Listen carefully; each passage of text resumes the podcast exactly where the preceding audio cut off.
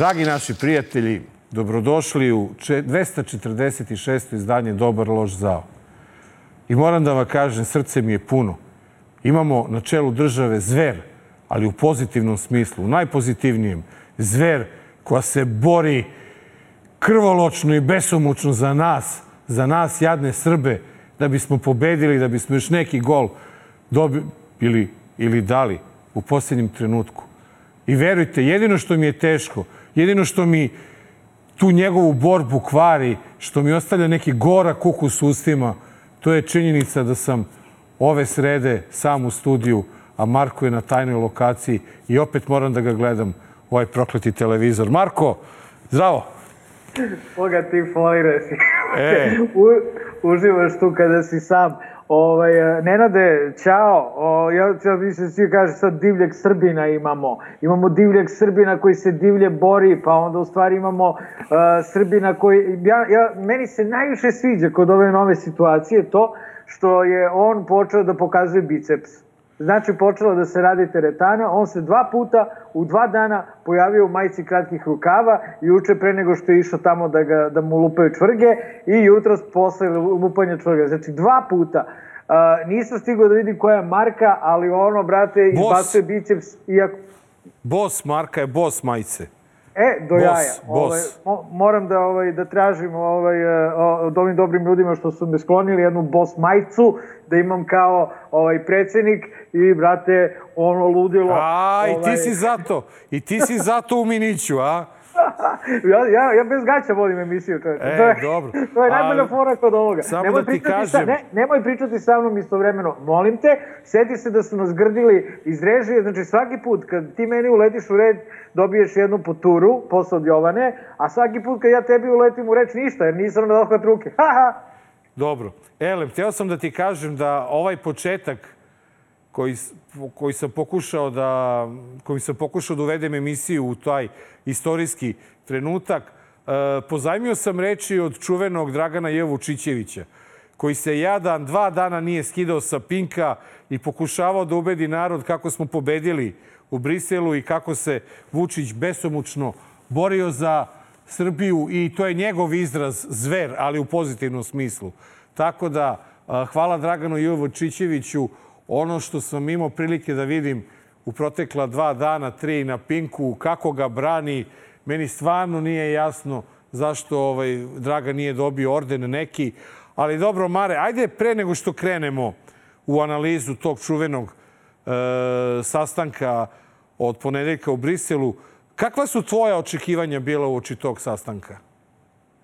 A, moje očekivanja su bila da, a, kako bi ti rekao, znaš, a, a, znalo se da će on prihvatiti sporazum, što se i desilo.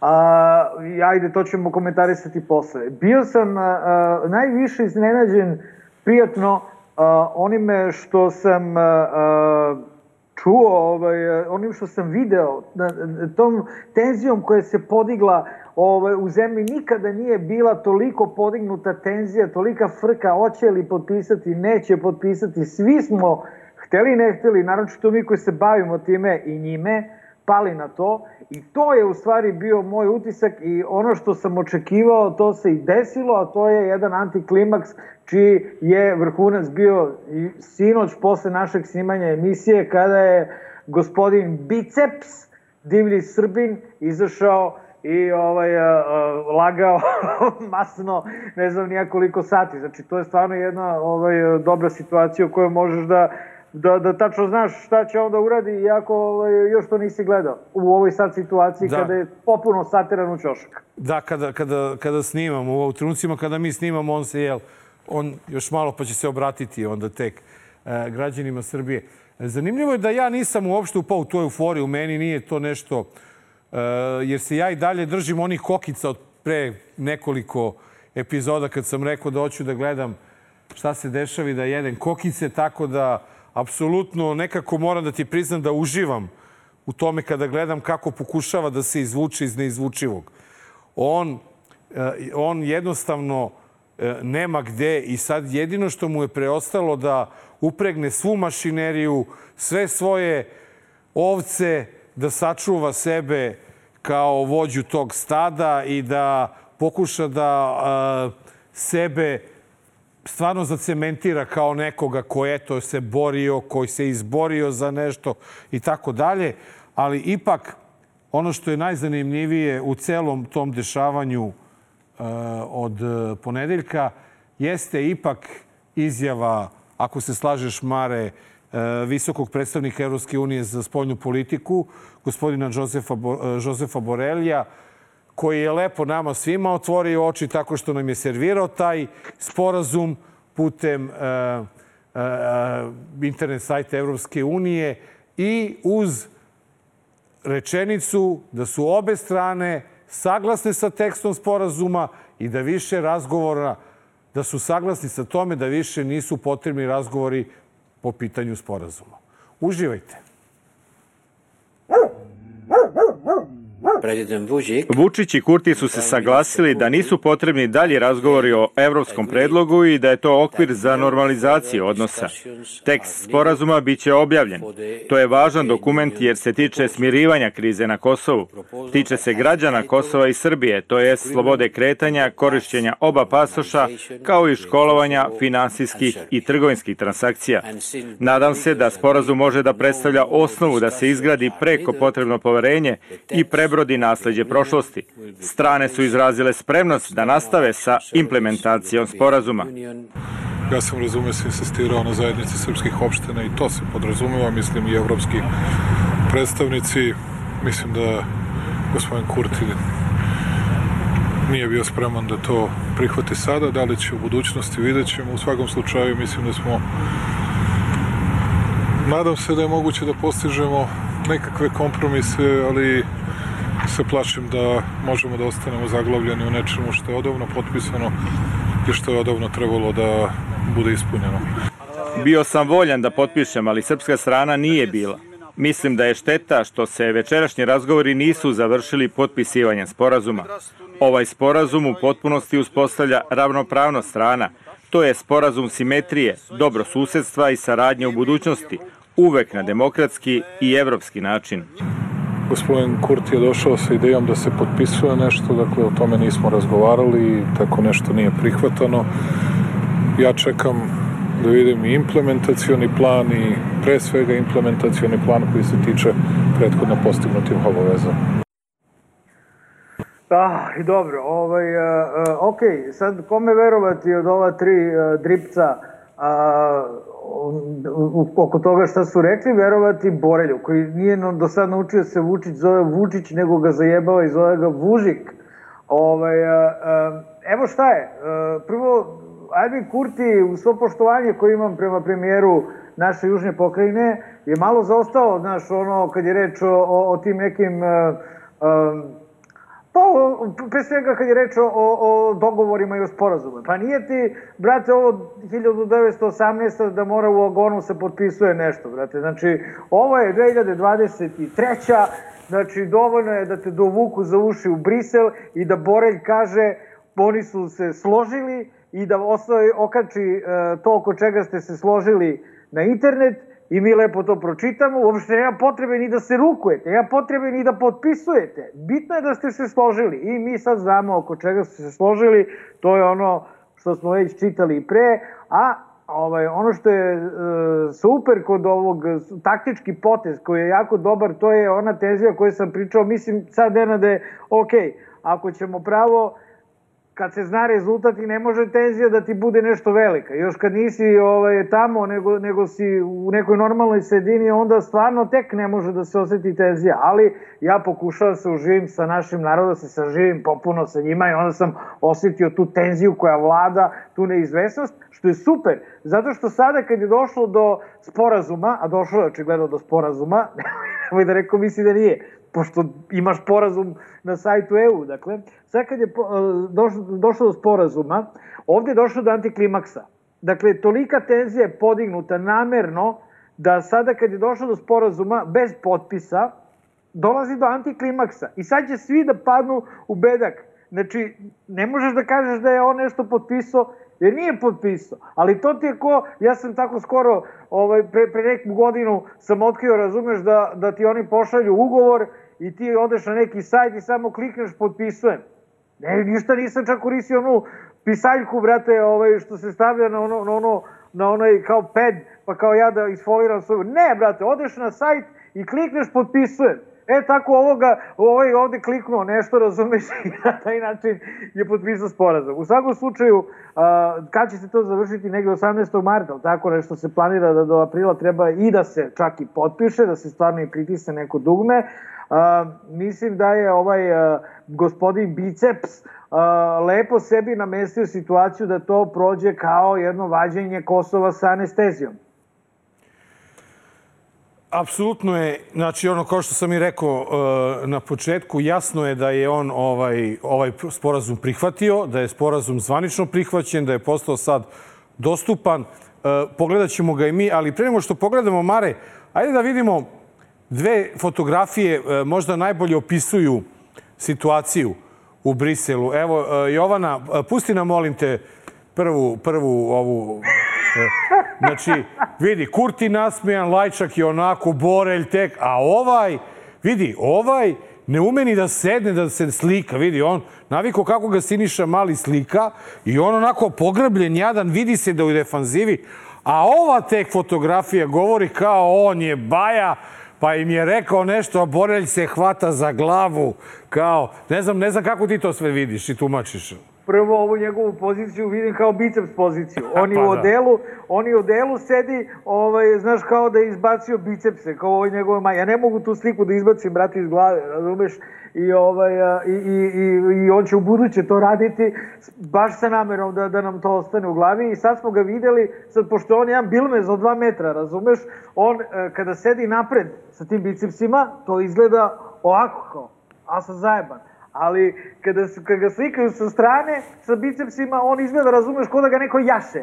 A pošto ga je neko tamo izajahao, razumeš, on, onda imamo dupli ovaj zgoditak. Što se druge fotke tiče, Borelj je čovjek u godinama, vrate, on je mislio, znaš, da to treba da potre 15 minuta, kaže, se slažete, ovo je aj srao, razumeš, zajednica srpskih opština, moram, izvinite gospodine Borelj, ali ja moram da kenjam sad o, o zajednici srpskih opština, ovaj, kako zove Kurti, rekao, no, popunosti ga razumem, ja ću posle da ga zajebavam kako nije hteo da potpišu i Borelj već počne se vata za glavu.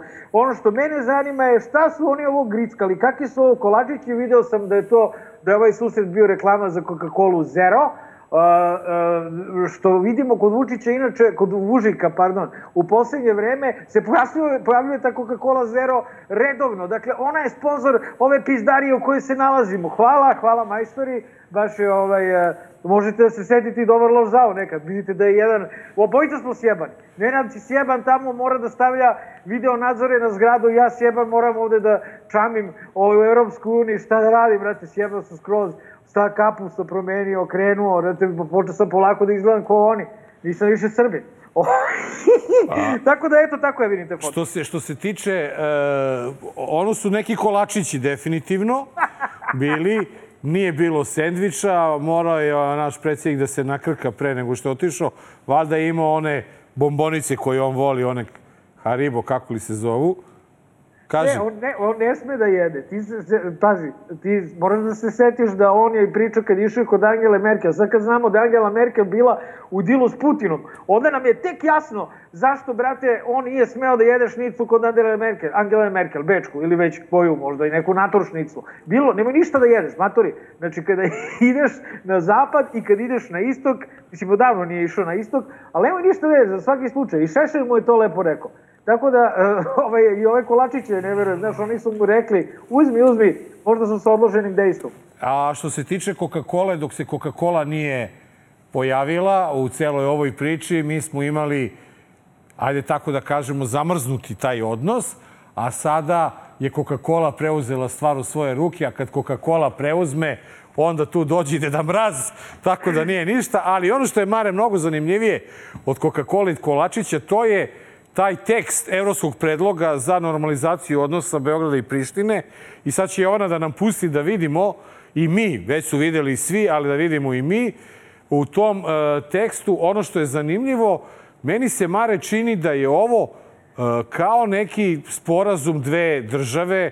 Evo kaže, uh, polazeći od istorijskih činjenica i bez predrazuta o različitim pogledima strana na osnovu pitanja, uključujući statuse u želji. Dogovorili su se sledeće. Strane će razvijati normalne dobrosusedske odnose jedna sa drugom. Tu za dobrosusedski odnosi se pravi između država. Ono što je zanimljivo, spominju se tablice da se, zbog kojih smo do skoro teli da ratujemo, a najzanimljiviji je ovaj četvrti član koji je upravo otišao, a to je da Srbija neće sprečavati Kosovo da postane član bilo koje međunarodne e, organizacije. Koliko znamo, ako znamo, a to je da su jedini nacije međunarodna organizacija, Marel, tako? Dobro, ja stvarno, evo, skoro 16, ovde je 16. minut ovaj, na ovo sranje, na ovu glupu temu. Biću vrlo kratak. E, očigledno je, mi smo imali prilike da vidimo ovaj sporazum, je tako, ne, na da. rećemo sada, tako. Čitali smo ga još pre nedelju dana, on je bukvalno identičan ovaj objavljeni sporazum onome što smo imali prilike da vidimo, što su objavili već neki prištinski mediji i to jeste očigledno sporazum između dve Znaš, kao sad se priča da li je Kosovo state ili je Kosovo country. Znači, imate, kakva glupost. Uh, očigledno je, sve, sve je jasno uh, i, i, i, znaš, samo treba vidjeti kako će se to upakovati uh, ovim mučenicima ovaj, u, u Srbiji, kako će to ovaj vrhovni mučenik u stvari biceps da upakuje. To je ono što treba vidjeti u, narednom periodu. Činjenica da ni DPZ, ni Damljan, uh, Knežević još uvijek nisu pušteni iz pritvora, dovoljno govori desničarima, mislim, makar onim koji nisu kontrolisane strane režima, ne znam, je li ima takih? Je ima neki desničar da nije kontrolisan od strane režima? Rekao mi neki dan, pre neki dan mi ovaj napisa, kaže, jes Vučko izdajnik, ali ti si izdajnik pizdati materina. Napisao mi u nekom komentaru, ja ga blokirao. Pa čekaj, on mu još tepa Vučko. Znači, još smo zove Vučića Vučko, bre, ste normalni, bre, on je bre, biceps, bre, on je mamurant, on je prvorođeni Vučko, jebo vas Vučko, svi zajedno desničari da se nosite. Ovaj, tako da vidjet ćemo, mislim da on to sve ima pod kontrolom, što bi ti rekao Nenade Kokice idemo možda na drugi prilog. Pa da, mogu kokice, ali nemojte zaboraviti ni Coca-Cola Zero, jer do Coca-Cola nije došla. Ovaj, ja se stvarno nadam da će Coca-Cola danas se seti bez veze ovoliki sto, da nema Coca-Cola. Ne mora ovi kolačići, dajte samo Coca-Colu. Jel? Ali, ovaj, e, možda je e, drugi prilog koji smo pripremili, Marko i ja, za vas, suštinski prilog i od najvećeg značaja za Srbiju i za njenu budućnost. Uhapšeno šest osoba koje se sumnjiče da su malverzacijama oštetile EPS za 7,5 miliona dolara. Dan posle hapšenja u EPS-u smenjena tužiteljka Bojana Savović koja je vodila istragu. U tužilaštvu tvrde da je po sobstvenoj želji premeštena u drugo odeljenje. Savović to demantuje šokantno mi je posle sledilo obrazloženje koje sam ja saznala iz medija, e, novo obrazloženje zbog čega sam ja smenjena. E, tada sam iz medija saznala prvo da sam ja tražila premeštaj, a ka, uh, u toj istoj rečenici, pa valjda mi je kao dobrom tužiocu udovoljeno, A opet mi je bilo čudno kako mi je to udovoljeno baš u momentu hapšenja tako važnog predmeta i realizacije, ali, ali u istoj to rečenici je rečeno da sam ja odugovlačila predmet, ovaj, pa verovatno kao nekako negativno, međutim, e, onda je vrlo sporno zašto javni tužilac nije iskoristio svoje zakonsko ovlašćenje i izdao mi obavezno pustvo da ubrzam rad na predmetu, što je onda njegova zakonska obaveza. Onda je on postupao nesavesno ako je znao da ja odugovlačim, a ništa nije preduzeo po tom pitanju pošto sam razloge saznala iz medija, tada sam morala i ja medijima da dam kratko dve rečenice obrazloženja, demanta, da kažem da nikada nisam tražila premeštaj u prvostepeno odeljenje i da nije tačno da sam odugovlačila predmet na bilo koji način i da imam o tome dokaza. Bojim se, umesto političara, sa nama mnogo češće razračunavati kolege. Ok, ovo je stvarno daleko zanimljivije od eh, onog od briselskog vodvilja. To su tužiteljke Bojana Saović i ček da vidim, Jasmina Paunović, koje su radile na EPS-u, a koji je Dark Lord uh, srpskog tužilaštva, Nenad Stefanović, uh, na brzaka, razumeš, smenio. E sad, ono što uh, taj Nenad Stefanović se pojavio u poslednje vreme Ja nisam znao, Nenad, da, da si ti znao da je on, ovaj, uh, ja ste, pošto sam napisao tekst o njima za Buku skonto, da je čovek novi član radne grupe za bezbednost novinara. Ja, za nebezbednost novinara, pardon. ovaj, znači, nije To više, nije više Branko Stamenković nego Nenad Stefanović. Ja sam se iznenadio. Inače, kad su mi dojavili ljudi koji se bave bezbednošću novinara i kad su rekli, brate, došao je neki lik, znači, pakao. Nenade, samo da znaš da mi je rečeno i da je tužiteljka koja je uh, oborila našu kričnu prijavu protiv Šapića kada me pretio smrću, da je tužiteljka okarakterisana kao čovek Nenada Stefanovića. I sad taj Nenad Stefanović, ja bih rekao ovaj, da se malo zaleteo, jer on je ipak jedan, uh, znaš, jako je zanimljivo da je Majić bio u, u komisiji koja je odlučivala oko njegovog prvog radnog mesta. Pa ga otkačio zato što je predugo studirao i zato što je bio sanitarni inspektor, razumeš? Nije bio, nije hteo da postane, nije mu dao Majić da postane sudija. Tako da se meni čini, kada vidimo da je u sudijsku nedelje bili i Majić i tužiteljka Savović, e, i kada vidimo da je veliki broj tužilaca stao uz tužiteljke, a, meni se čini da se naš sanitarac, ćemo tako tepati ovome uh, Stefanović, sanitarac. Sanitarac. Sanitarac sanitarac se okliznuo malo, znači izbahatio se prvo i meni se čini da se on malo okliznuo o sobstvenu bahatost i da e, sada sve zavisi od e, nas, dragi građani, koliko ćemo podržati e, naše tužiteljke, e, da li će se izlaziti na ulice, da li će se, e, da brate Nenade, jebote, ovo je srpsko pravosuđe, znači to je totalni pakao, ne znaš e, odakle, to je, to je brate kao da hoćeš da nateraš mrtvaca da trči. Jebote, to je, to je okej, okay. pojavile su se dve tužiteljke. Ovaj Dark, ovaj, kako se zove, sanitarac se sapleo od njih. I dobro sad to sve ide. Znači, ko, ko je, ko, ko ga je navuko, lepo ga je navuko. Ali, brate, nije samo u tome problem. Problem je u gomili stvari. Pravosiđe koje treba da bude kičmo jedne države je u takvom kurcu ovde, brate. Godinama, znači je upropaštavano, da ne kažem decenijama. I sad će to dve tužiteljke da promene. Ja bih voleo da je to prvi korak, ali nisam baš siguran. Jer ima jo... Jer se seća neko Zagorke Doljevac, kako je neko pre neki dan nazvao na Pečaniku? Se neko seća Zagorke Dolovac? Jebote, znaš, nju niko ne pominje u ovoj priči.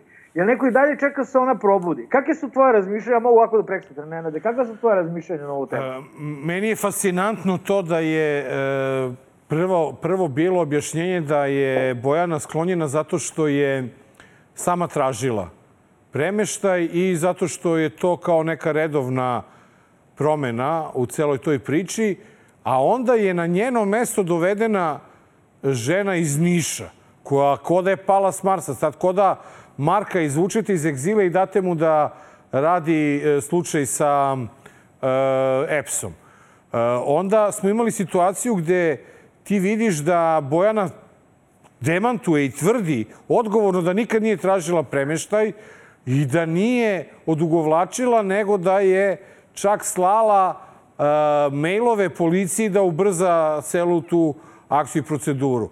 Ono što je tu tek čudno, Marko, to je činjenica da je ovaj slučaj doveo do tog slučaj koji se koji, koji kad ga pretvoriš u novce negde oko 7,5 miliona dolara je vrednost tog e, krivičnog dela, što je kap u moru kada je u pitanju e, na prednjački način razmišljanja kada su javna preduzeća u pitanju. E, ono što je potrebno ovoj državi, svakako mi ćemo ovaj, biti na ulicama u četvrtak, sutra u 13 sati, bit ćemo na ulicama, dođite svi koji možete, ali moraju prvo tužioci da ustanu, Mare. Moraju oni da izađu i da odbrane svoje kolege. Meni je fascinantno bilo kad sam slušao Bojanu u utisku nedelje gde je ona rekla kako su posle tog kolegijuma da je ona e, sklonjena, e, svi se čudili, svi su joj prilazili. Što to čuđenje i to, to svoje prilaženje Bojani niste na tom kolegijumu malo konkretizovali? Pa ustali, pa bili protiv, pa udarili šakom od sto tom Stefanoviću i rekli, alo bre, sanitarac, jesi ti normalan? Jel ti znaš koga sklanjaš? Jel ti znaš šta radiš? A ne ovako naš u hodniku i tako dalje.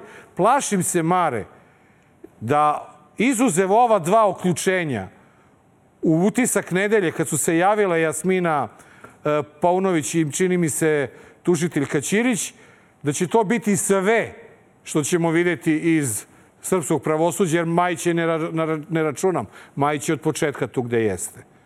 A, znaš šta, imali smo već jedan protest koji je ono prošlo tako da ga niko nije provalio. Protest podrške, tu su bili advokati i nešto je bilo, pa je sad ovaj za 2. mart, pošto su ljudi videli, znaš kao, niko nije ni skonto, svi su gledali u Brisel, znaš kao, ja, ko vidi biceps, a, ja, biceps, a, i, znaš, ne vidiš, jebote, prosto šta ti se dešava ispred nosa. A, ja se izvinjavam ako sam slučajno, ono, mislim da je sad već kasno i da je Stefanović e, na, na tankom ledu. Dakle, uh, ne, neću da sad uh, kvarim imidž tužiteljki na taj način što ću da ulazim u teorije zavere i da govorim o tome kako su one ušle u EPS jer su, i, i krenulo su hapšenje u EPS-u tamo da se ne hapsi, razumeš? da bi se baš ovaj Stefanović okliznuo i da bi njih dve prosto, jer Džemi je onako super koordinisano, samo fali jebi ga ta narodna podrška, znači fali podrška građana, pišite jebote, napisao sam tekst od 9000 jebenih e, slovnih znakova da, da, da, da, da se požali na sobstvenu situaciju i na tvoju nenade u pravosuđu srpskom jebote. Šta smo sve doživeli od tužilaštva za visokotehnološki kriminal? Koliko, brate, smo imali pretnji smrću? Koliko je slučajeva rešeno? Ništa, brate. Znači imali smo jednog koji je, ovaj, koji je, koji je priznao krivicu, imali smo, imao sam ja još jednog za koga se bojim da je žrtveno jagnje, brate. Tako da ono, jednostavno, uh, situacija je odvratna, a koliko je odvratna, govori to što imamo čak dva priloga ovaj, na, na tu temu u prvom delu emisije. Da, uh, upravo sam to hteo da kažem da uh, je ovo što se desilo uh, Sergeju Trifunoviću jedan samo dokaza u kakvom mi zlu od pravosuđa živimo i šta može svakom od nas koji uperi prstom na ovu prokletu vlast, šta može da nam se desi? Jozef, kao u slučaju Sergej T, se probudio jedno jutro i dobio poruku od službenika banke u, u kojoj ima račun da mu je uh, račun blokiran. A, ja sam mislio da pitao neki saobraćeni prekršaj, međutim, uh, službenik banke mi je javio da je račun blokiran na, na osnovu presude prvog osnovnog suda po tužbi Zorana i Gorana Babića. Ja kažem, rekao, vjerojatno je neka greška, pošto sam ja na sudu sa Zoranom Babićem u tom prvom osnovnom sudu, ali taj proces se još uvijek nije završio, jer Zoran Babić ne dolazi jer Zoran Babić ne dolazi na suđenje. U prvom osnovnom sudu Zoran Babić je vodio dva identična procesa po istoj osnovi. Dakle, to je tužba za njemu povređenu čast što smo mi tvrdili da je on ubio Staniku Kuligorijevića na terapiju Doljevcu. Ja nikada nisam ni saznao za taj proces. Znači, ja nikada nisam dobio poziv za, za, za suđenje, nikada nisam dobio poziv za, sluš, za slušanje, dobio sam samo presudu po kojoj tuženom Zoranu Babiću i Goranu Babiću, ošto ne znam... Nisam dobio ni presudu. Nisam čak dobio ni presudu, tako je. Nisam dobio ni presudu. Samo sam, dakle, saznao da, da sam tužen, da je, da je presuda, da je suđenje izvršeno bez mene i da sam, i onda su mi naravno oteli 5000 eura sa računa. A, ja, ja ne znam zaista, a, Nenade, a, a, koliko puta sam, smo mi pričali ovaj, istu ovu priču. Evo mogu da Uh, mogu da kažem ovaj, uh, dragim uh, gledalcima ponovo. Dakle, isto ovo što je Sergej pričao. Samo što meni još nisu blokirali račun.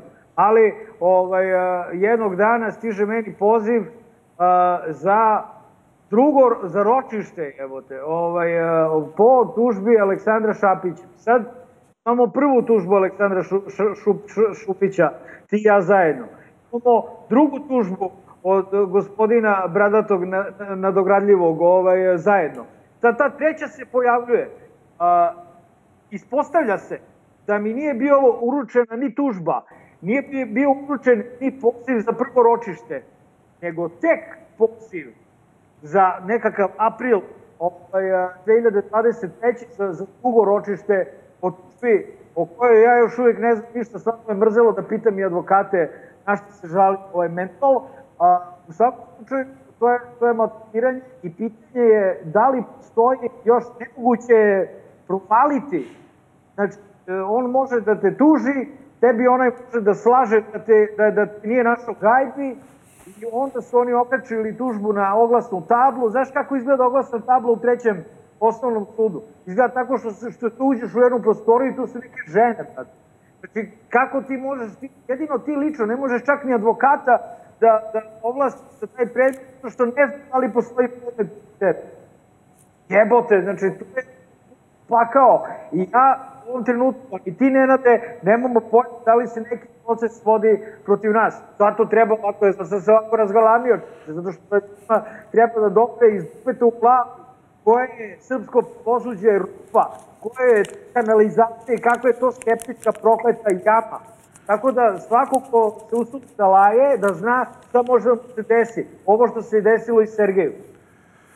Ovo je, ovo je jezivo stvarno da se jednog dana probudite, ovaj, da vam neko zazvoni na vrate i kaže dobar dan, mi smo izvršitelji došli smo da vam zaplinimo imovinu jer ste dobili presudu, a da vi to niste ni znali. E, sve ovo govori o tome da ćemo se tek e, susretati sa e, neslućenim tragedijama e, koje su zadesile srpsko pravosuđe samo zbog jednog razloga što ne rade svoj posao i što je, nažalost, i pravosuđe postalo stranka najobičnija i radi u interesu samo jednog čoveka. A bre, Mare, pusti me završim nešto, samo dižeš ruke je. Nije tačno. Ovaj, ne, nego mi je rekla sad Jovana da sam se mnogo drao, jebi ga, pa se nije baš čulo što sam pričao. Pa ću ubrzo da ispričam, ne, neću ponovo sve da ispričam, ali ću reći da se ista stvar dešava i meni kao i Sergiju. Dakle, nemamo pojma o tome koji se procesi vode protiv nas, oni teku, mi ne dobijamo nikakvo obaveštenja, ne dobijamo ništa i mogu da nam rade što hoće. Eto, ponovio sam ukratko, jebi ga, ako sam se malo više drao, izvinjavam se, ali ovaj, moj tekući račun je u pitanju. e, nije, Eto, nije, tvoj, Ajde, nije tvoj, nego Sergijev, za sada. E, brate, e, znaš kako bi ti rekao. Pa, Ajde, ovaj, ovo je reklamiraj novin. Pa ovo je bila priča koju je ipak pokrenuo Sergej, je, tako da moramo da mu ipak se zahvalimo, jer da on ovo nije rekao, mi ne bismo bili oprezni. Ovako ćemo to, biti... To nije, to nije tačno, zato što sam ja pisao i pričao o ovome i o istoj ovoj stvari, ali znaš, dok ti ne dođe ono kao, dok ti neko, ne, ne, ne znam da li šta treba da se desi. Znači, treba vama neko da blokira račun da biste skontali da nešto nije u redu. Dok blokiraju Sergeju, meni, onda je to, znaš, ono, okej, okay, to je neka omaška, nećemo ni čuti šta se desilo, baš nas briga, neće nama da blokiraju račun. Nema veze, tužiteljke su bitne. Naši računi, to je vaši računi nisu. Znaš, kakvi su ti Srbi dok, dok njih ne zaboli, teško, teško će da se ovaj e, jave za reč. Aj, završavaj. Evo, evo samo da na ovom, e, u ovom trenutku da samo s vama podelimo radost što imamo priliku da e, čitamo novu novinu i da smo uvek u prilici da sa velikim zadovoljstvom reklamiramo i najbolju dnevnu novinu političkog e, tipa danas. Imate svašta nešto lepo da pročitate u obe novine i ono što je glavno dve dominantne teme, to su Kosovo i to je situacija u pravosuđu. A mi idemo na džingl i vraćamo se u studiju da nas očekuje veoma zanimljiv razgovor. Dobar, loš, zao. Poštovani gledalci, 246. izdanje Moram sad ne sve se derem, ali dobro, sad nema ni razloga da se derem, uh, zato što imamo fantastičnog gosta u studiju, ja bih rekao treći put, ako me, ako me račun ne vara, da, treći put u Dobar loš zao, živa legenda, Milan St. Protić. Milane, dobrodošao ponovo u Dobar loš zao. Bolje te našao, Marko. Žao mi je što nisi ovde uživo s nama, ali i ovako mi je veliko zadovoljstvo da te vidim i čujem. Mare, Meni je, molim. Ono što, je, što smo dužni da kažemo ovom prilikom, to je da je e, poslednja epizoda sa Milanom Srta Protićem, koji, kad je bio gost u Dobar loš zao, najgledanija u istoriji naše emisije na YouTube-u. Tako da, eto, ovaj, e, Milan je nosilac te titule najgledanijeg. Preteko je Đorđe Višekrunu, ne brini. Ovaj, pa dobro, onda, onda, onda sada damo još neki besan naslov i, ovaj, i onda ćemo sada da preteknemo tu epizodu. epizodu da. A, Milan i meni je žao što nisam u studiju, ali tak, takve su ovaj, bezbednostni protokoli pod kojima se trenutno nalazi, što dosta govori o našoj državi, ali pustimo sada mene. A, da ja tebe pitam, šta se to desilo u Briselu prekjuče? Pa to je bilo finale, ili nadajmo se da je finale, jedne utakmice, loše utakmice koja traje već deset godina i gde je ova aktuelna vlast i njen prvi čovek, po mom mišljenju, i to već dugo govorim, sam sebe pa i nas doveo u bezizlaznu poziciju da mora na kraju da prihvati ono što mu je servirano, a u čemu je on prilično sam kumovao. Ono što meni izgleda ovako, to je da su ova dva derana, jedan iz Prištine, drugi iz Beograda, jedan mali, a drugi visok, iza leđa držali šipak dok su ovo prihvatali i da je moguće da e, Borel pomalo preterano optimistički gleda na to kako će se ovo što je navodno prihvaćeno u Briselu zaista sprovesti u delo. Ne kažem da će tako biti i da će tu sa obe strane biti sabotaže, ali ne bi isključio i tu mogućnost. A da li ti se čini možda da je o, reč samo o strategiji jednog i drugog igrača, odnosno makar kad je reč o našem bicepsu, e, ovo nije bila loša izlazna strategija, da se digne maksimalno tenzija i da dođe do jednog antiklimaksa, onda on tamo u stvari sve prihvata što mu, što mu ovi kažu. Da li on ima prostora e, za, za, za, za manevarskog uopšte da da se folira da je nešto da nije zapravo prihvatio. Oni su vjerojatno rekli, idi tamo priče po televizijama šta god hoćeš. I to si ti prihvatio. Naravno da to njih ne interesuje i naravno da je on ovaj, kraljica drame, što bi rekli anglosaksonci, i da on od svega pravi pozorišnu predstavu, pa tako i, i, i ovoga puta to nas ništa ne iznenađuje. Bez obzira koliko je situacija ozbiljna, njemu je najbitnije da on bude u glavnoj ulozi i da odigra tu svoju patetičnu rolu koju, nažalost, gledamo već koliko duže od decenije. Ali to na koji način Srbija reaguje na to što se događa i na to što se predlagalo i to čemu se pregovaralo pokazuje da nije on jedini infantilan u ovoj zemlji nego da je, nažalost, veliki broj ljudi koji ovde živi takođe prilično nezreo u pogledima na ozbiljna pitanja. I da zato on tako dobro i prolazi, zato i dobija tolike glasove, bez obzira na dominaciju u medijima i sve drugo što je na njegovoj strani, ali taj njegov infantilizam izgleda da se i egocentrizam koji ide i lepo se uklapa sa infantilnošću, lepo se prima u ovdašnjoj javnosti. I onda sve ovde postane cirkus, tako i, i, i ovaj, ceo događaj u Briselu ima prilično e, tu boju jednog loše režiranog spektakla. Evo, e, i ti si sigurno pročitao taj, taj tekst sporazuma, kao da. i svi mi. E, vidi se da se ne spominju jedine nacije, nego se spominje ovaj, bilo koja međunarodna organizacija. Malo se daje značaj na Srpskoj pravoslavnoj crkvi, ali priča se o dobrosusedskim odnosima, o pasošima, ličnim kartama a, i registarskim tablicama zbog kojih smo malo te ne teli da ratujemo pre koji mesec sa, sa Kosovom. Da li je Vučić na ovaj način priznao da je Kosovo država, ali je nije učinio i taj čin priznanja Srbije e, Kosova?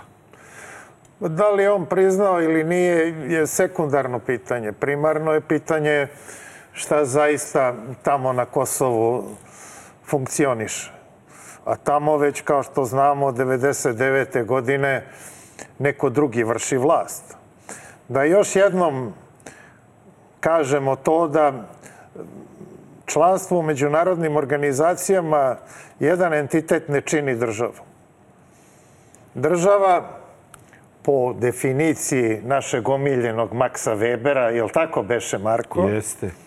Kaže ovako, država to je određena teritorija, narod na toj teritoriji i vlast nad tom teritorijom.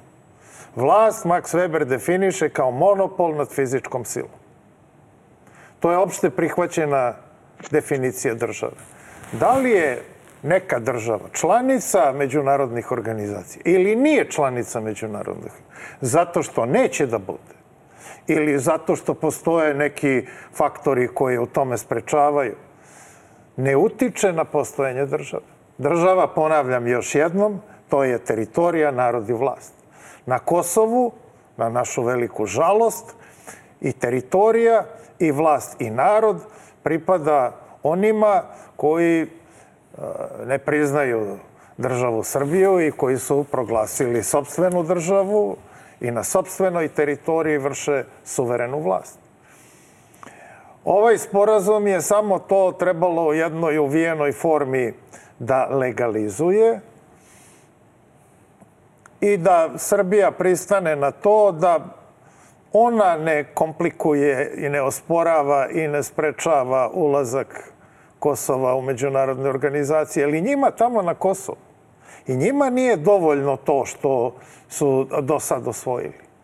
I oni misle da to ulazak u međunarodne organizacije, pogotovo Ujedinjene nacije, da je to glavna stvar kako bi oni zaista bili država.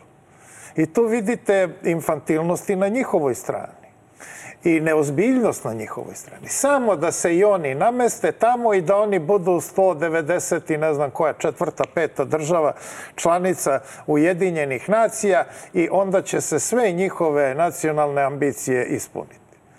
Isto onako kao što Srbija iz Kaprica to sprečava. Pa to da li će Kosovo biti član Ujedinjenih nacija ili neće, ni na koji način ne utiče na to u, u kakvom paklu, što bi rekao Marko, žive Srbi na Kosovu. Niti će im biti bolje, niti će im biti gore, činjenicom što će ili neće Kosovo biti član UNESCO-a ili Interpola ili u krajnjoj liniji Saveta Evrope ili Ujedinjenih nacija. Ali ta simbolika, kao kod dece, ta simbolika i na jednoj i na drugoj strani, pa i kod ovih stranaca, dominira u odnosu na ono što su realna pitanja. Ja se trudim već dugo da upozorim javnost na realno stanje stvari i u, u kakvim uslovima ti nesrećni Srbi žive na Kosovu. Ta se njihova tragična situacija neće popraviti tačno da dobiju zajednicu srpskih opština koja je država u državi.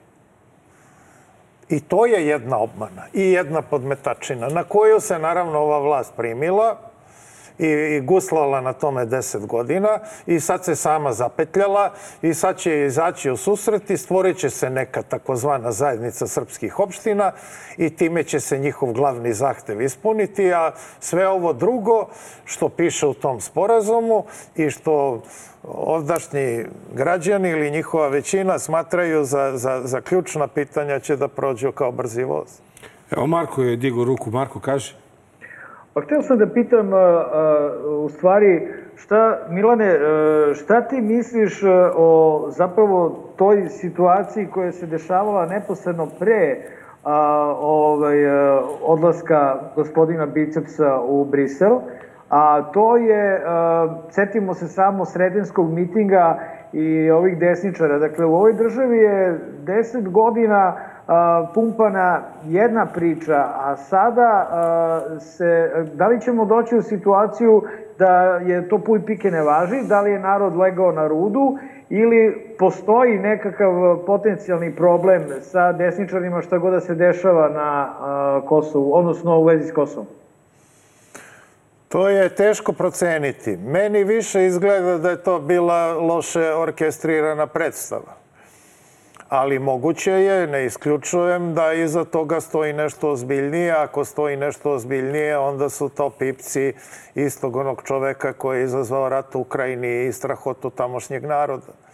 I to je igra koju je ovaj ovdašnji započeo, misleći da mu to odgovara To mu je veoma imponovalo, kao što se e, sećate, taj Mališa rodom iz Leningrada, koji danas zavija u crno milione ljudi, svojih i tuđih, je ovde priman na velika vrata, organizovani su mu mitinzi, ljubljeni su mu skuti, proglašavan je za najveće genija koji je ovom zemljom ikada hodao.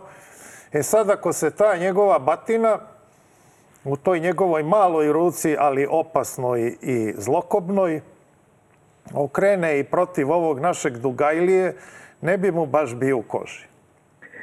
Pa da, on, mu je, on, je više puta išao, tako da u ovu zemlju su pušteni Mi imamo 180.000 Rusa u ovoj zemlji i to je ono što sam uh, hteo dalje da te pitam. Šta misliš, koliki je e, njihov uticaj i kolika je njihova sposobnost da naprave haos uh, na Balkanu u ovom trenutku? Mislim i na Srbiju, ali mislim i na Bosnu i Hercegovinu. Izvini, Mare, naročito u kontekstu toga da su svi složni u oceni da Rusiji apsolutno ne odgovara postizanje e, sporazuma na relaciji Beograd-Priština. Tako je. Ja sam odavno naučio da pravim veliku razliku, suštinsku razliku između vlasti u Moskvi i, i, i ruskog naroda.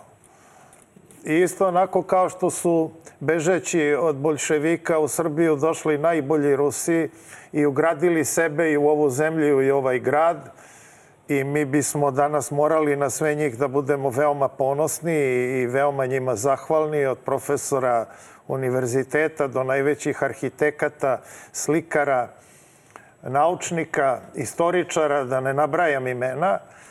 Tako je i danas. To kakav je režim u Moskvi i šta on radi i svojim građanima i svojim Rusima i, i drugima i svojoj rođenoj braći u Ukrajini, rođenoj braći, da ne kažem svoje braći blizancima,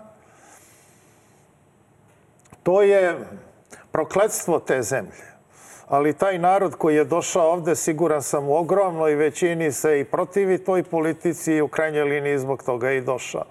A koliki su i dokle su dosegli pipci tog moskovskog režima u Srbiji, ko sve se nalazi pod uticajem tih pipaka ili u zagrljaju tih pipaka, to je vrlo teško proceniti, ali moguće je da su ti pipci mnogo dublje prodrli nego što mi možemo da, da zamislimo. Ali direktan krivac za to je aktualni prvi čovek Srbije, jer je on to omogućio, za to navijao, on to hrabrivao, u tome učestvovao, odlazio tamo i, i na poklonjenje i gledao kako se oni jadni kučići ubijaju u, u čerodeše. Ono, dave u nekim čudnim cevima, aparatima.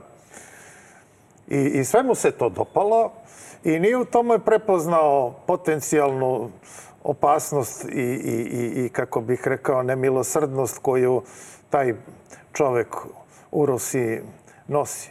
I onda kad se ta strahota u Ukrajini dogodila pre godinu dana, onda odjednom drž, daj, ne daj, spasavaj se, šta ćemo sad, gde ćemo sad, kako ćemo od toga da se odbranimo i evo do čega smo došli.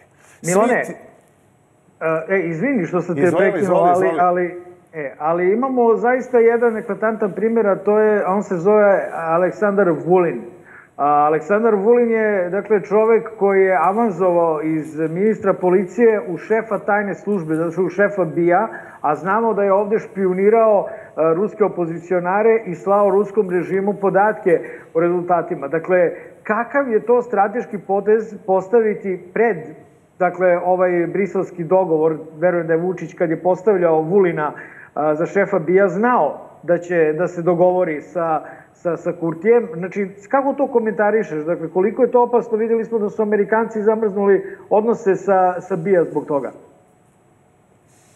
Ja ne znam, a ne znaš ni ti, a ne zna ni naša javnost koliko je bilo insistiranja da se dotični čovek nađe na mestu direktora bije. Upravo sa te strane i da se ovaj aktualni naš predsednik našao u nebranom grožđu i da je morao, s obzirom na to kako se ranije njuškao i ljubakao na toj strani, e, morao to da ispuni. E, to je, nekad je još Pašić govorio, u ono doba carske Rusije koja sa ovom današnjom nema nikakve veze, jer je ovo neosovjetski savez. Ovo nije obnova carske Rusije, kao što ova Republika Srbija nije obnova nekadašnje kraljevine Srbije, nego je nastavak socijalističke republike iz Titove SFRJ. Tako da nisam siguran da je izbor direktora bije bio apsolutno sloboda prvog čoveka Srbije. Rekao bih da je to pre bio ispostavljen zahtev iz Moskve. Kao i neka druga nameštenja. Ne kažem da, da to ne rade i ovi sa druge strane i da su ovi zapadnjaci u svemu tome nevini. I, I oni su ovako forsirali Miloševića kao što forsiraju ovoga, pa smo to zaboravili. I posle Dejtona ga proglašavali za glavnog faktora mira i stabilnosti, a do pre Dejtona je bio balkanski kasapin. A onda posle toga kad ih je povukao za nos i nije potpisao sporazum u Rambujeu, onda su nama bacali bombe na glavu ni krivima ni dužnima. Dakle, i oni imaju jednu istoriju u odnosu na nas, pa i u odnosu na, na, na, na, na ovaj, ceo svet prilično nedostojnu.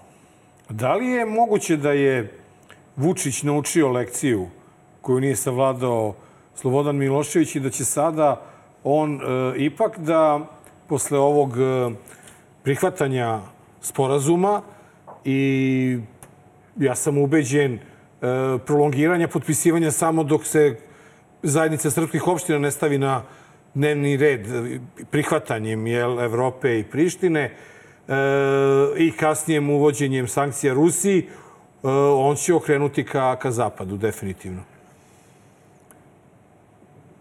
Iz mog iskustva sa zapadnjacima ono je prilično bogato i ne pre... oduševljeno. Ono što se s njima dogovorite unapred, to možete da očekujete da će da bude sprovedeno. Ono što vi pretpostavljate da će da bude posle prihvaćenog sporazuma ili, ili njihovih želja, ili njihovih planova ili njihovih predloga po pravilu se ne ispuni. Zato je ove pregovore trebalo voditi sasvim drugčije, tako što bi Srbija ispostavila svoje zahteve unapred i rekla mi smo spremni na kompromis, kao što je recimo ovaj sad dokument, ali pod uslovom da Srbija ili da se za Srbiju obezbedi 1, 2, 3, 4, 5.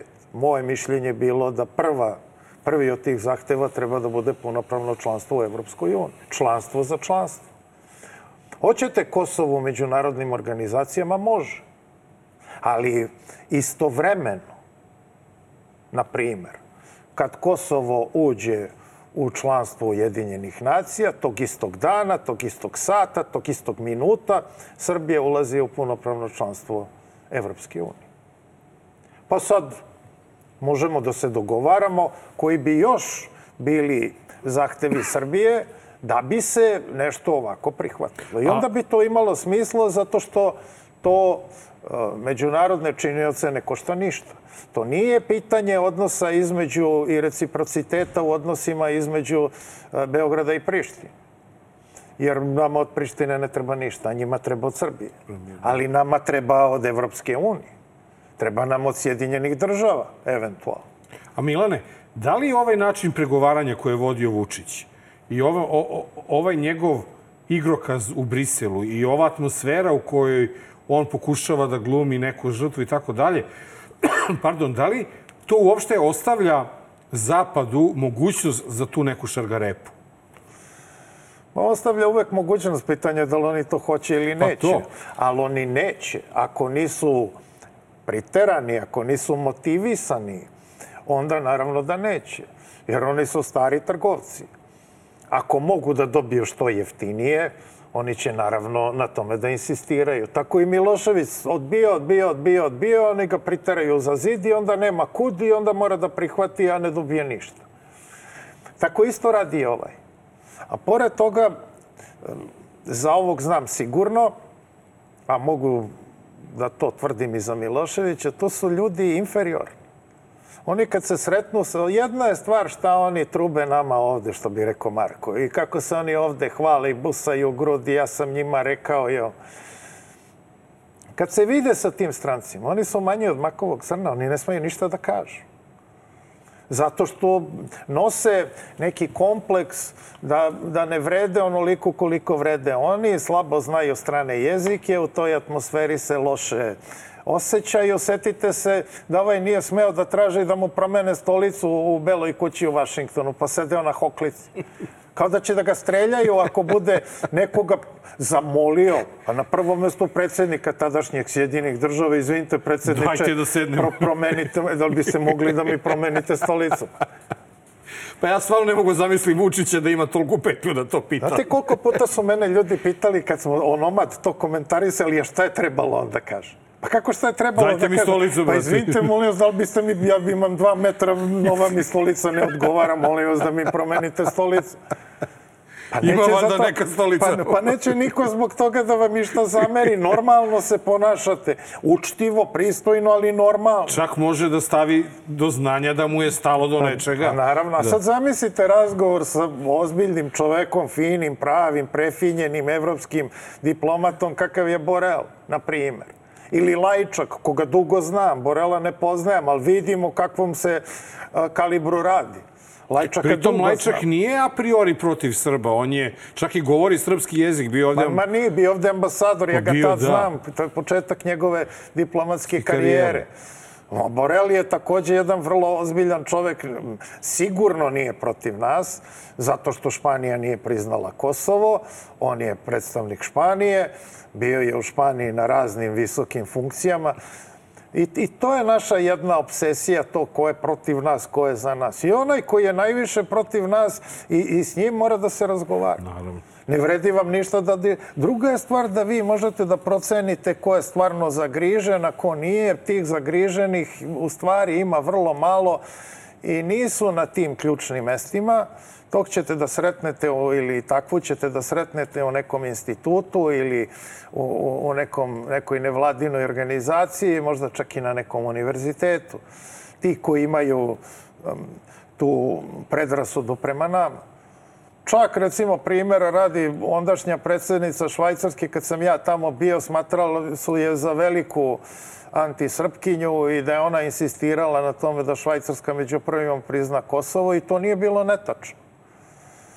Ali na kraju smo došli do toga da je njena poslednja poseta u karijeri bila Beogradu i, i, i da je to prošlo savršeno i da je e, njen taj negativan uticaj u dobroj meri neutralisan. Milane, a, htio sam da te pitam, dakle, da li je a, bolje da Srbija ovaka kakva je uđe u Europsku uniju, zahvaljujući sporazumu sa Kosovom. Evo videli smo juče kad smo snimali emisiju da je leglo 600 miliona za brzu prugu od Beograda do Niša, dakle imamo sad brzu prugu od Ande do Ande, a sa leve i desne te strane te pruge imamo crnu rupu, zvanu Srbija, u kojoj ne funkcioniše ništa.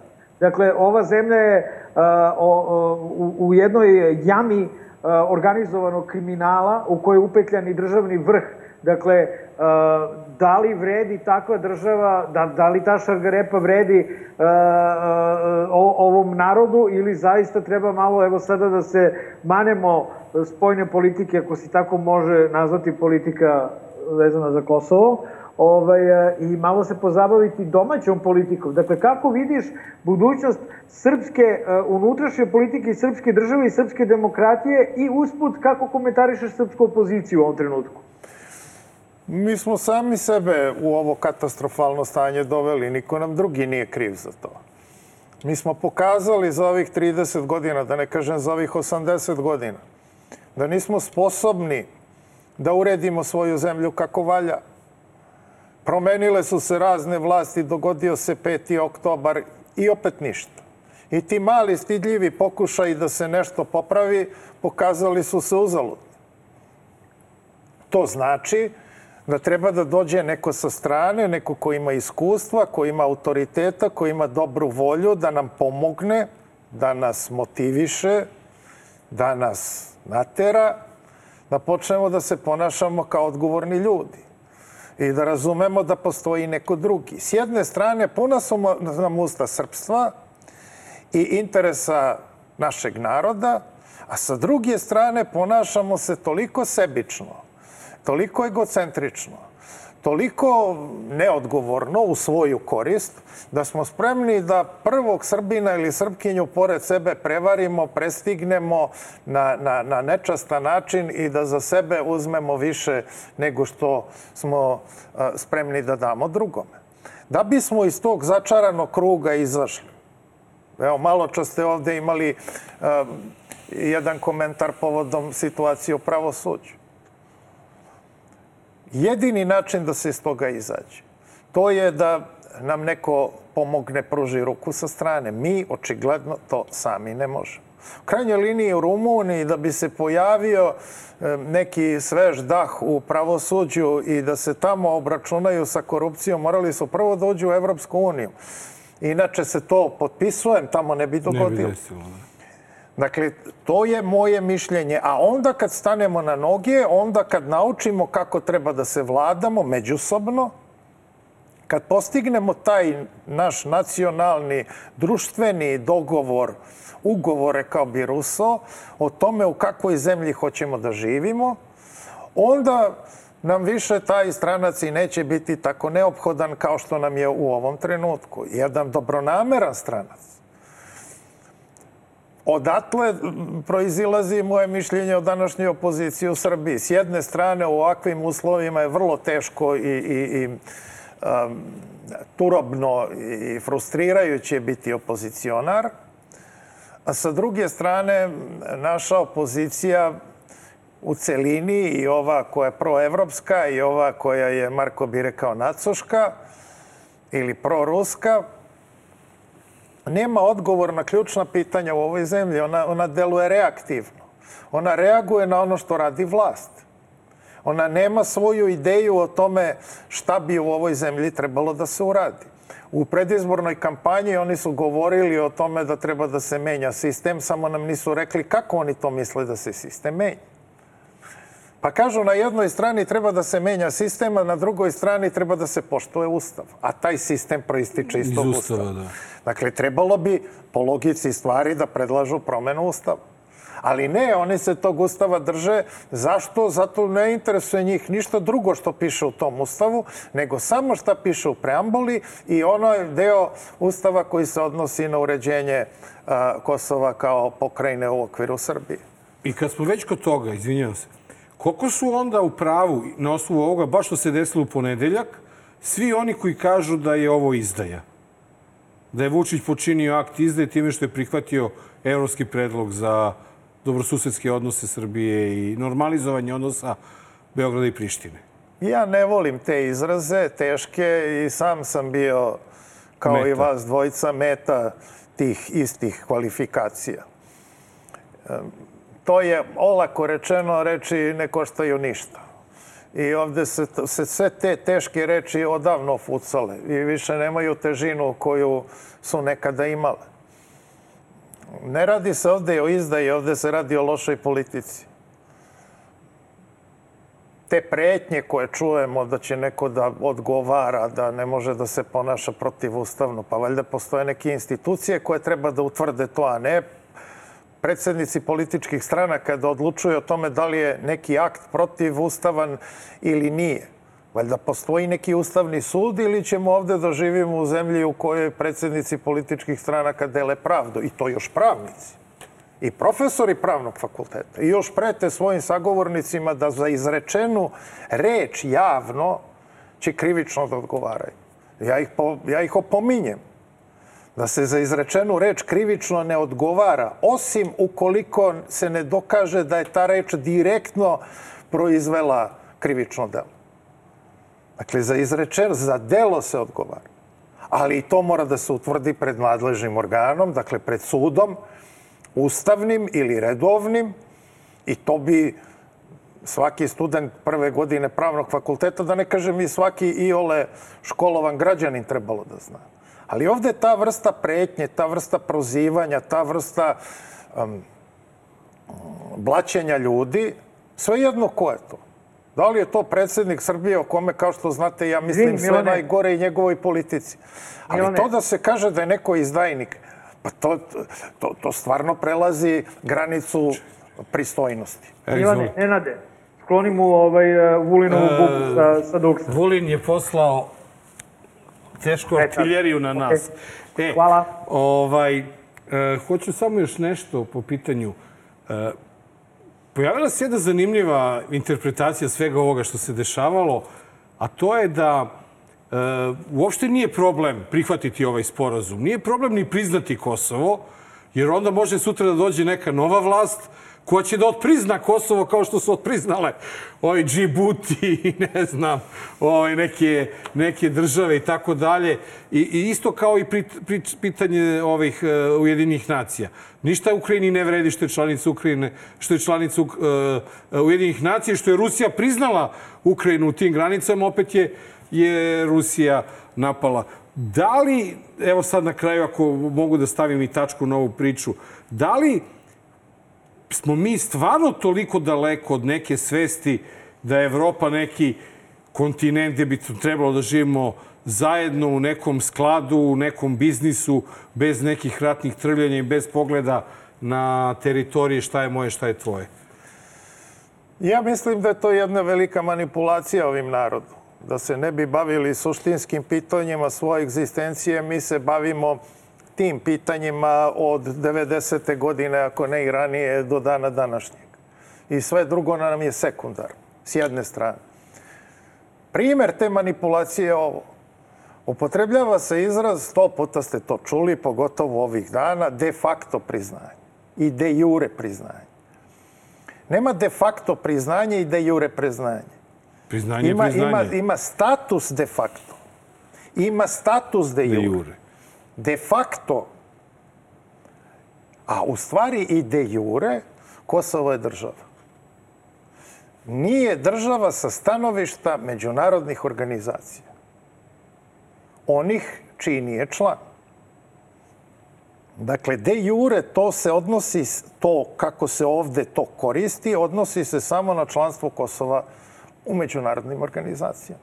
Ali nama su mozgovi isprani, pa nam je članstvo u međunarodnim organizacijama dokaz da je nešto država. država. I obratno, ako nije u međunarodnoj organizaciji, onda nije država.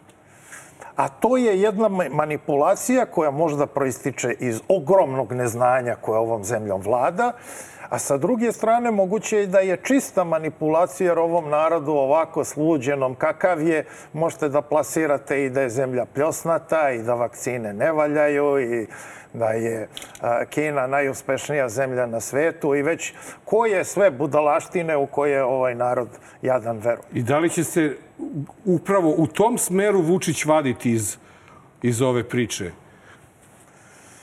Naravno. Novo manipulacijom. Jer njegov motiv nikad nije da nešto uradi dobro pa sad uradio loše. Njegov je uvek motiv samo da učvrsti svoju vlast i svoj kult ličnosti.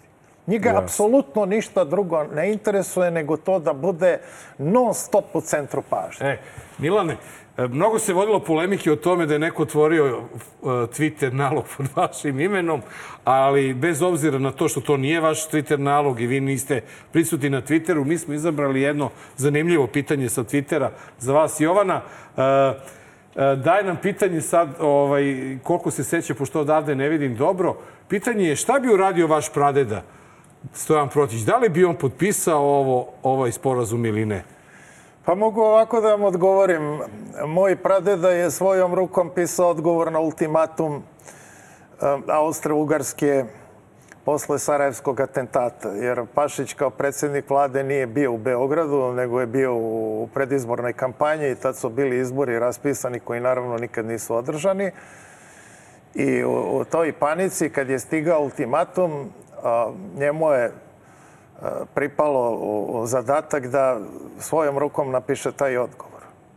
I taj odgovor je toliko pomirljiv, bez obzira na ove urbane legende o tome kako je Srbija prihvatila sve uslove, samo nije jedan, sve je prihvatila i taj je u tako jednoj prijateljskoj i, i, i pogodbenoj formi napisano. Zato što je bilo jasno da treba učiniti sve što se može kako bi rat bio izbegnut. Nažalost, rat nije mogao da se izbegne, jer su Austrijanci, to jest Nemci, taj rat hteli, ali je moj pradeda sve učinio i, i, i, i a, srpsko dostojanstvo stavio na, na, na najosetljiviju tačku kako bi se izbego rat i, i, i, i nova pogibija a, našeg naroda posle ona dva Balkanska rata ispostavilo se da smo mi taj veliki rat i tu svoju veliku pobedu platili sa trećinom svoga stanovništva i polovinom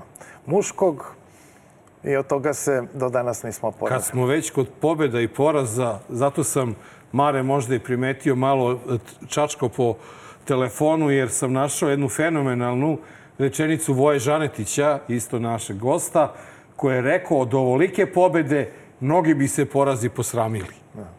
Mare, ako se slažeš da idemo na, na Magareći kutak, ovaj, čekaju nas zanimljive teme. E, džingl, pa se vraćamo u studiju.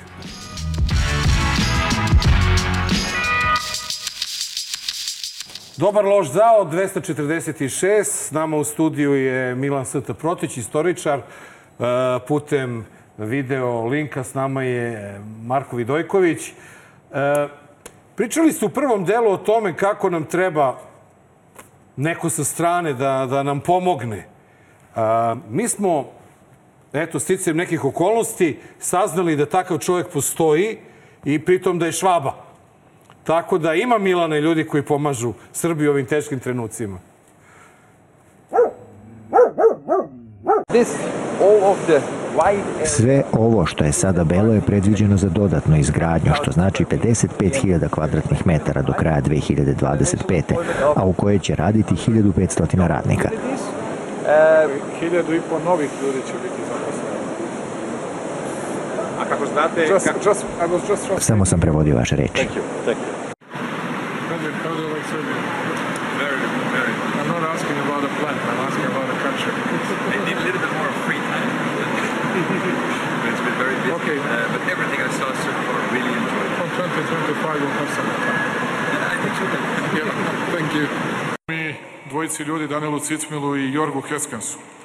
Jorgu, ja ga zovem moj švaba, on mene zove moj divlji srbin, tako mi razmenjujemo komplimente, ali on stvarno jeste švaba.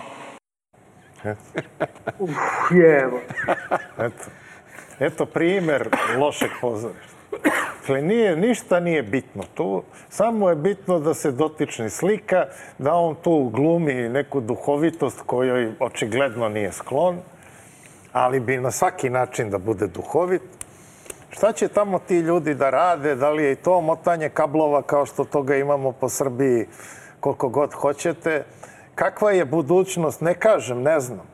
Ali po onome što vidim i što se do sad radilo, ja tu ne vidim budućnost za Srbiju. Ja vidim da se Srbija pretvara i da je već pretvorena u zemlju jeftine radne snage, gde se najviše zapošljavaju oni koji su neškolovani. Jer smo i školu uništili, ona više ništa ne vredi. To što ima pametne dece koja sama sebe dovedu do najviših visina, oni iz ove zemlje odu. To je to što mi moramo da menjamo. To je suština, jer bez toga ništa nam ne vredi. Mi smo u poslednjih deset godina po popisu izgubili 850.000 duša. Što su oni koji su iz ove zemlje otišli da se više nikad ne vrate, sa vrlo lošim osjećanjem, ili oni koji su jadni pomrli od zagađenja, od bolesti, od lošeg zdravstva, od nesreće, od depresije, od ko zna čega sve. I čemu onda sve to? Pitam se ja. Čemu onda sve to? Čemu ta borba za puste teritorije kad mi naroda nemamo? Ako Da. se ovako nastavi, nas za 50 godina neće biti. I kakva on, kako onda Kosovo, kako pitanje teritorije? Mi ćemo se pretvoriti u jednu egzotičnu etničku grupu koja će biti interesantna samo belosvetskim antropolozima. Pa možda smo i sada već to postali. Na dobrom smo putu da, da putu da to postane. Mare, kako ti tumačiš ovaj flert? Šta? Kakav fler? Ovo flertovanje, ovo razmenu pogleda, osmeha. Pa nije da nisi šta primetio valjda to. Nisam primetio, ja sam sve, sve vreme sam gledao Švabinu, da citiram bicepsa frizuru. I, I promenio sam mišljenje. Ako se budem šišao, neće se šišati na ovu frizuru zvezdinog trenera, nego na Švabinu frizuru. Na I Švabinu. ofarbaću kosu. Pa da, ovaj, a, a, bilo je nekih bezobraznih komentara i nevaljalih, a, jer su ljudi hvatali neke njihove poglede, pa još i pogled Miloša, ovog, jer se Vučević zove Miloš, Imam pojem. Miloš, O- Miloš. E, tako je, pozadi kako ih gleda onako sa određenom dozom zavisti, ali ja ću po hiljade... Da ne bude dva loša ubiše Miloša, jeli Marko? Dva loša izbaciše Miloša iz kombinacije. Iz kombinacije, budem, da. Da budem ovaj, na ivici vulgarnosti, ali ja ću ponoviti da su romantični život našeg šefa Bicepsa i, da- i njegove preference, na, njegov, njegov, kako bi rekao, njegov e, najsjajniji domet i najsjajniji rezultat i nešto što ne bi trebalo da nas e, se tiče, jel? Ovaj, dok ne počne da nam radi u glavi zbog toga. Znaš kako ima jedna francuska izreka, neću je prevesti na srpski, pa nek se malo ovaj, Ne naši gledalci pomuče. Kaže, ménage à trois. Znamo je, znamo toliko francuski. Nekad je to ovaj, u Parizu bila, bio omiljeni sport. U jednoj od tih varijanti učestvovala je i, i Gala, kasnije udata za Salvadora Dalija. U jednoj od tih kombinacija menaža trois. Eto, imamo i mi svoju. E, ali Ali imamo to je mi- bilo mešovito, ovde bi bilo, kako da kažem, jednosmerno. Ali taj menaž imamo i u parlamentu.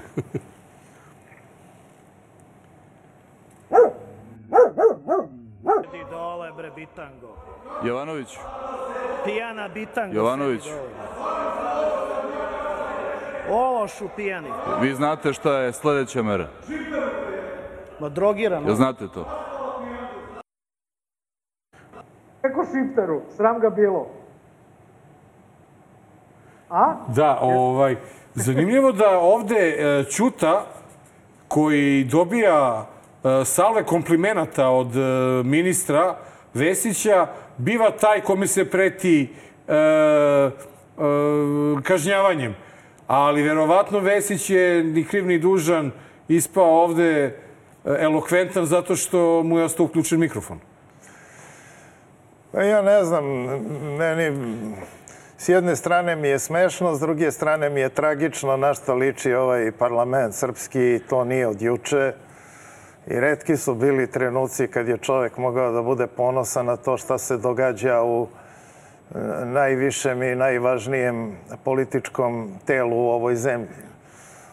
Ovo je slika i prilika ovog režima i ljudi koji njemu pripadaju. Milane, Marko i ja imamo uvek tu neku vrstu uvažavanja kada si ti naš gost, pa u, u situaciji kada treba izabrati priloge za Magareći kuta, kada imaš Vesića u Skupštini i Jovanu Jeremić kako u trikovu igra u studiju, nekako mi je normalnije da probamo da izanaliziramo Vesića nego Jovanu Jeremić.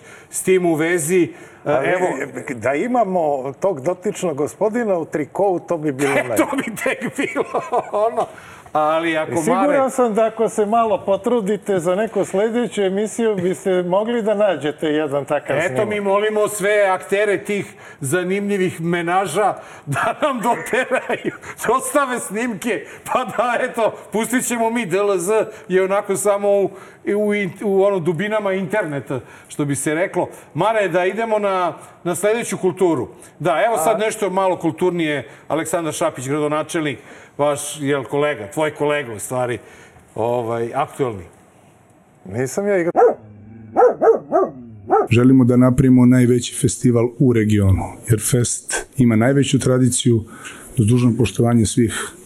Ja kao gračanik Beograda, dok sam ovde, ne mogu sebe da dozvolim da jedno Sarajevo ima važniji i veći festival nego što, nego što ga recimo ima u Beogradu, uz dužno poštovanje Sarajeva. Kako, Ivane, ovaj, a, ja, ja, ja, Evo mogu, ga, ja, Mare. mogu, ovaj, ja mogu ja? Kaži, Mare.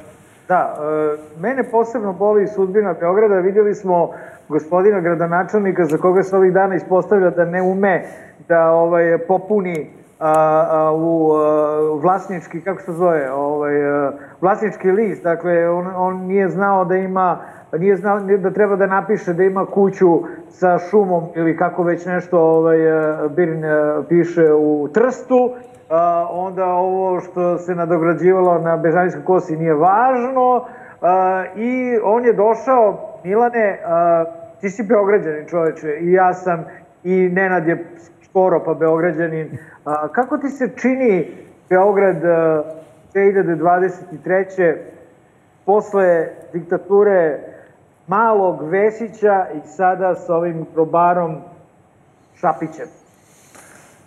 Pa kako, i ranije su mnogi ovaj grad ružili i kvarili, ali ovi su prevazišli sve mere i granice. I trudim se da ne gledam to što mi u ovom gradu najviše smeta, znam da je nepopravivo. I onda krećem se onim delovima grada koji su moji, koji su ostali još nedotaknuti njihovom štetočinskom rukom.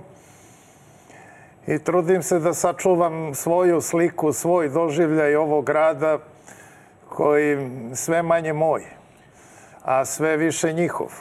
I to je bitka koju mi gubimo i ja je gubim lično i žao mi je što sam tako kratko bio na čelu Beograda i što ništa dobro nisam uradio i ostaće mi to kao najbolnija tačka za sve ove godine mog javnog delovanja. Uključujući i fest. O festu govore ljudi koji verovatno nikad ni na jednoj predstavi festa nisu bili, koji ne pamte zlatna vremena Festa ili zlatna vremena svetskog filma koji se prikazivao na festu. Na primer, sećam se predstave 20. veka Bertolučijevog fenomenalnog filma koji je trajao pet i po sati, ako dobro pamtim, i prikazivao se iz dva dela.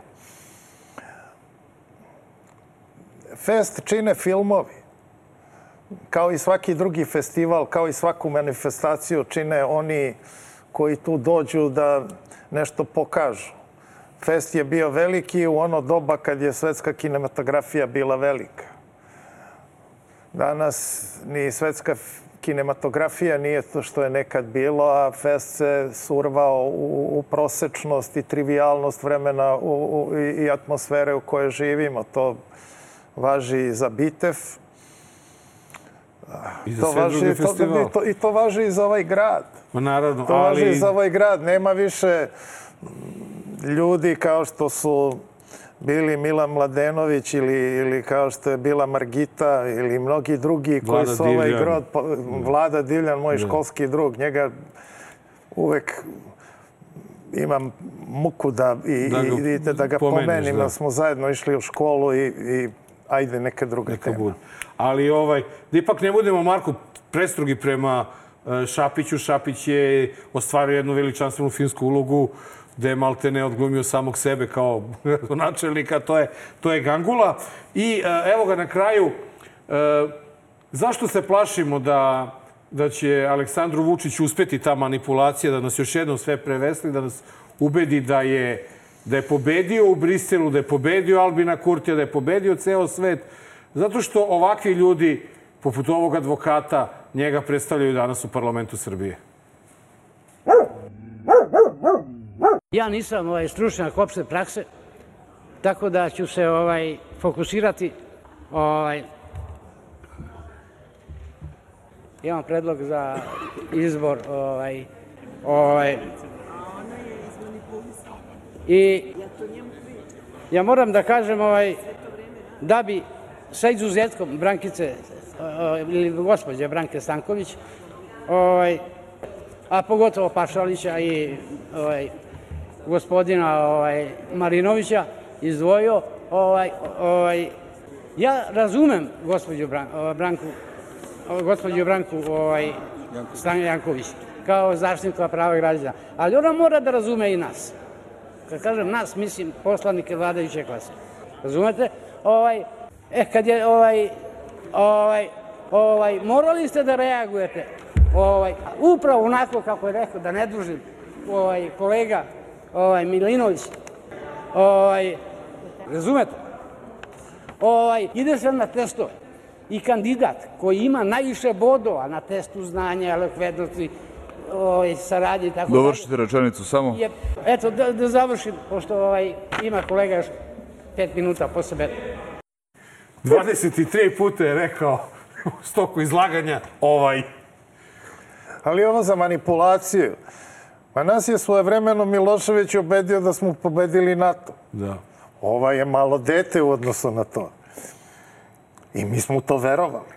Povlačila se vojska otuda, povlačila se policija u rokovima koje je odredio NATO, ali mi smo NATO pobedili. Svoje vremeno nas je Milošević ubedio kako e, pomračenje sunca je toliko opasno da treba da stavljamo ćebad na prozore i, i, i svi su u Srbiji u tome ga poslušali. A u, u ovom civilizovanom svetu ljudi izlazili da gledaju pomračenje sunca. Jeste, i ono što je ovde isto zanimljivo, to je što čovek je toliko van sebe, ali je surovo i realno iskren i rekao je da moramo da razumemo njih, vladajuću klasu. Znači, Ovaj- Srpska napredna stranka nije vladajuća partija, to je vladajuća klasa u majci Srbiji. Živeo marksizam. ovaj, Ovaj, ovaj, Milene, hvala ti puno što si bio naš gost. Ovaj, eh, vidimo se i četvrti put, siguran sam. Ovaj, eto. Hvala na pozivu i drago mi je da sam te čuo i video, makar ovako na razdaljini. Drži mi se tamo hrabro kao i uvek i znaš da sam na tvojoj strani. Hvala ti, Milane. Ja ću za razliku od Marka uspeti da pružim ruku i da se zahvalim e, Milanu što je, što je bio naš gost i uvek nam je drago. E, Stvarno pokušavamo da neke ljude ne, ne, ne zovemo stalno da, da, da gostuju, da ne bi i, i, i, i nama i, i, i samim sebi dosadili gostovanjem u DLZ, ali ovo je jednostavno bila situacija i trenutak kada smo morali, jer ovo što se desilo u, u Briselu je stvarno uh, istorijski absurd. Ako možemo i pretpostavljamo će se jednog dana izučavati kao nešto što smo prihvatili, a nismo potpisali. Nadajući se da ćemo dobiti špajz u kući koja je bila naša, a to je Kosovo. E, Mare, hoćeš ti da, se, da nas pozdraviš sa tajne lokacije? Ovaj, eh, hoću, ovaj, eh, dragi gledalci, ovaj, bio je ovo 246. Dobar loš zao podcast. Ovaj, vidimo se sledeće nedelje na istom mestu, to je sledeće ovaj, srede u 8 sati uveče, istovremeno na Nova RS i YouTube-u, a prepustit ću tu muku Nenadu da ovo sada eh, najavi kako znaju ume. Ovaj, vladajuća klasa je uradila to što je uradila. Ovaj, ako se sećate, ovaj, još 15. 16. 15. Ovaj, februara uhapšeni su neki ljudi zato što su organizovali protesti i neke stvari govorili. Tamo među njima je i naš kolega ovaj, Dejan uh, ovaj, DPZ. E, da. E, na, naš kolega kod koga smo ovaj, i Marko i ja ovaj, bili svojevremeno ovaj, gosti. I kad pogledate ovaj e, prilog za laku noć, bit će vam ovaj, mnogo jasnije zašto ne pogrešivo srljamo u propast ovaj, i po drugi put uzastopno ovaj, Staša vam želi laku noć. Laku noć i za sedam dana na isto mesto. Prijetno. Hvala vam, momci. Hvala vam. Ko potpiše, njega ubiše. Da, taj gospodin je sa razlogom iza rešetaka, jer svaka osoba koja preti vladi, koja preti predsedniku Republike Srbije, ma kogod da je on na čelu, zaslužuje da bude iza rešetaka. Znanje da propovedam, napušavam odreda. Svak fake goveda što veličaju lovu. Koja je prokleta, klinci što se lože na prijave bolida. Koji u isto vreme ne moš hoda i da priča Sistem vrednosti ništa, kao i u vigla Pa se boduju i upucavaju za poštovanje strita. Muda su do neba, jer tu je ekipa. Oči se dokazuju ko je veći dio